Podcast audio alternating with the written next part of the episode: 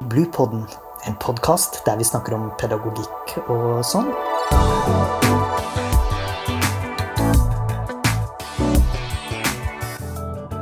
Podcasten är laget av barnehagelærerutdanninga vid Högskolan på Vestlandet.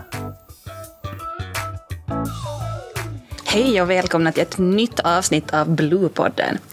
Idag är det gäster här i studion och mitt namn är Sofia Juslin.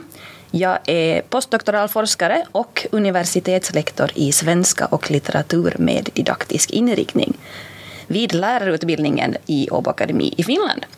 Och tillsammans med mig har vi här Alexandra Nordström som är postdoktoral forskare vid Helsingfors universitet i Finland. Hjärtligt välkommen Alexandra. Tack och tack för, för inbjudan och välkomnandet. Vi samarbetar inom ett nätverk som heter Nordic Early Literacy Education. Och mer specifikt en workshopserie vid namnet Exploring Imagination and Creativity through Play in Nordic Early Literacy Education. Temat idag är lek och literacy och ännu mer specifikt glädje i lek och tidig litteracitet. I januari 2023, inte så länge sedan Alexandra, så disputerade du med avhandlingen Joy in Young Children's Literacy Practices in Early Childhood Education. Och det är den avhandlingen vi ska prata om här tillsammans idag. Så jag undrar, varför blev du intresserad av det här temat? Mitt intresse för, för glädje och eh, litteracitet Mm, väcktes inom ett så forskningsprojekt jag var involverad inom som, som hette Inlärning av multiliteracitet med glädje. Så det var min, min ingång i det här. Och av min erfarenhet inom småbarnspedagogik eller barnehage, förskolan, mm, så finns det väldigt mycket sådana små eller större stunder av, av glädje som är lite svåra att, att definiera eller greppa eller så, men man känner dem väldigt tydligt. Så det var någonting jag, jag var intresserad av att, att um, göra ett djupdyk inom um, och kontexten då inom litteracitetspraktiker. Va? kändes som en, en, en bra kontext att, att kolla på det här med glädje.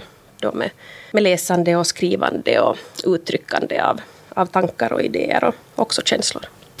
Så om vi tänker då att uh, du har jobbat uh, med småbarn i småbarnspedagogik som är då Finlands motsvarighet till barnehage här i Norge. Så vad är det konkret du har gjort i praktiken med barnen? Vad är det du har undersökt? Jag har undersökt hur, mm, när och på vilket sätt glädje mm, uppenbarar sig eller föds, föds ehm, inom småbarnspedagogiken. Jag har varit med och följt Eh, eller observera och också videofilma stunder när barnen på olika sätt arbetar med litteracitet.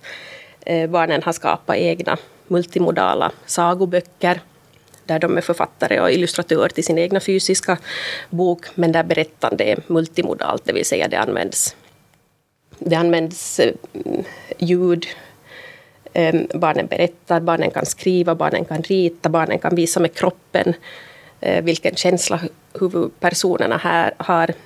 Det symboler, emojis, tidningsurklipp och olika eh, modellera till exempel för att, för att skapa de här eh, huvudpersonerna. Så olika sådana här projekt har jag varit, har jag varit med och, och observera och då um, upplevt och sett sådana här stunder av, av glädje.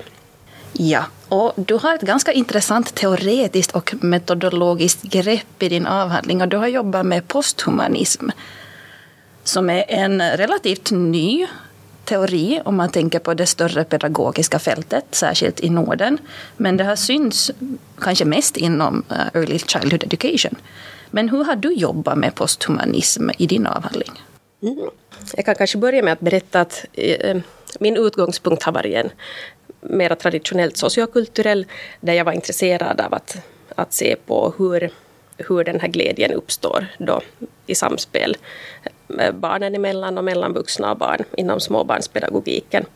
Så min avhandling mm, uttrycker också så här min egen resa som, som forskare och hur jag själv har, har utvecklats och hur jag har utvecklat eh, de teorier och metodologier jag använder. Och i mitt fältarbete så upplevde jag att, att det finns någonting utöver det som de teorierna jag var bekant med. Någonting som jag inte kommer åt, som jag inte kan beskriva, som jag inte kan nå mm, med hjälp av den, den kunskapen jag hade. Och sen mötte jag på de här mera postperspektiven och, och funderade att skulle det här kunna vara ett sätt att mm, nå de här mera känslouttrycken, de affektiva dimensionerna som, som är väldigt närvarande inom vardagen i småbarnspedagogiken.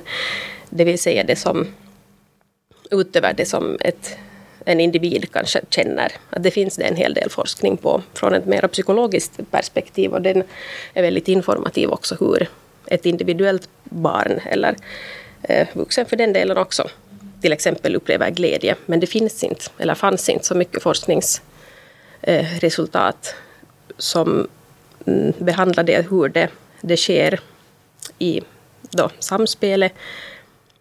Men det lilla som fanns så tyckte jag också att det, det är nu någonting som saknas. Så jag ville, jag ville utmana mig själv lite mera.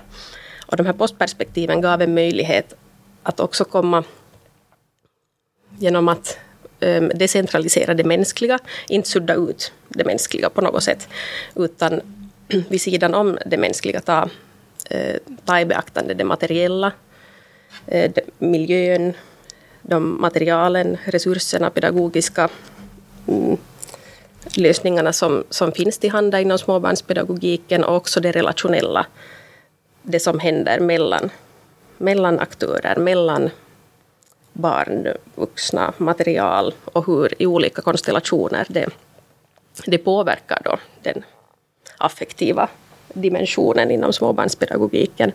Och där hittar jag en möjlighet att um, närma mig glädje och också uppleva, uppleva glädje själv som var väldigt avgörande för min avhandling också. Att jag var med och inte enbart upplevde glädje utan verkligen kände av den med hela kroppen. Um, och under långa, långa tidsperioder, ännu, ännu nu många år senare, när jag tänker tillbaka på de här stunderna, kan jag känna av den här glädjen som då har uppstått i den här interaktionen där i de här helt vardagliga stunderna. Det låter väldigt givande som forskare att få vara med och känna av den glädje som man kan se cirkulera i, inom barnehage eller då småbarnspedagogik. Jag vill plocka upp det här begreppet postperspektiv som du nämnde. För eh, i förhållande till posthumanismen som mera kanske kan ses som en teori så är det så att postperspektiv kan fungera kanske som ett paraplybegrepp som fångar upp olika teorier som just decentrerar människan, även om inte det på något sätt handlar om att vi glömmer bort människan, utan också tillkännager att kunskap handlar om det relationella och materiella, precis som du sa. Men postperspektiv, visst är det, hur ser du på det begreppet i relation till posthumanism som du också har använt i avhandlingen? Mm. Jag håller med om att, att det fungerar som ett, som ett paraply och det som jag också använder i avhandlingen är postkvalitativ um, inquiry då på engelska. Och de mera i en så här metodologisk användning. Att, mm, jag ämnar inte att beskriva det som har hänt inom småbarnspedagogiken. Att det, det, mitt syfte är inte att representera det som har, har varit och det som har hänt. Utan fokus är mera på, på upplevelsen och att försöka dela med mig av um, min upplevelse. Eller det, att jag försöker inte heller säga att det här är sanningen eller så. Men som du säger så just den här kunskapen som skapas relationellt ständigt av de inblandade aktörerna. Så. Ja, och du har ju fått vara väldigt så nära barnen och nära lärarna i den här praktiken. Och, och vad är det mest intressanta i dina resultat enligt dig själv när du tänker på glädje då i barns tidiga litteracitetspraktiker? Det mest intressanta enligt mig är det som var också mest överraskande för mig själv. Det är hur stark den här glädjen kan vara. Den kan vara väldigt subtil. knappt, knappt märkas av, men ändå väldigt, väldigt närvarande. Det kan vara långvariga stunder av glädje eller mera som sådana små, små glimtar som, som dyker upp i de här helt vardagliga litteracitetspraktikerna. Ett sätt som jag också eh, försöker uttrycka det här med glädjen är hur det kan vara klibbigt. Det, på något sätt, det smittar av sig till, till olika människor som är med om en händelse men sen också vidare från den händelsen kan det klibba fast i någon eller någonting annat och, mm, på väldigt oväntade sätt. Och det tänker jag att, att kan vara eh, väldigt intressant för, för både forskare och, och lärare att, att fundera på hur, hur man kan försöka främja glädje och också då ta i beaktande, eller det kommer, kommer fram i mina resultat, att hur eh, eller att glädjen är kroppslig och den uppkommer relationellt mellan olika aktörer och kan uttryckas väldigt kroppsligt mm, och faktiskt kännas av av de inblandade. När du säger olika aktörer, som du lite öppnar upp vad du menar med aktörer, vem eller vad kan vara en aktör?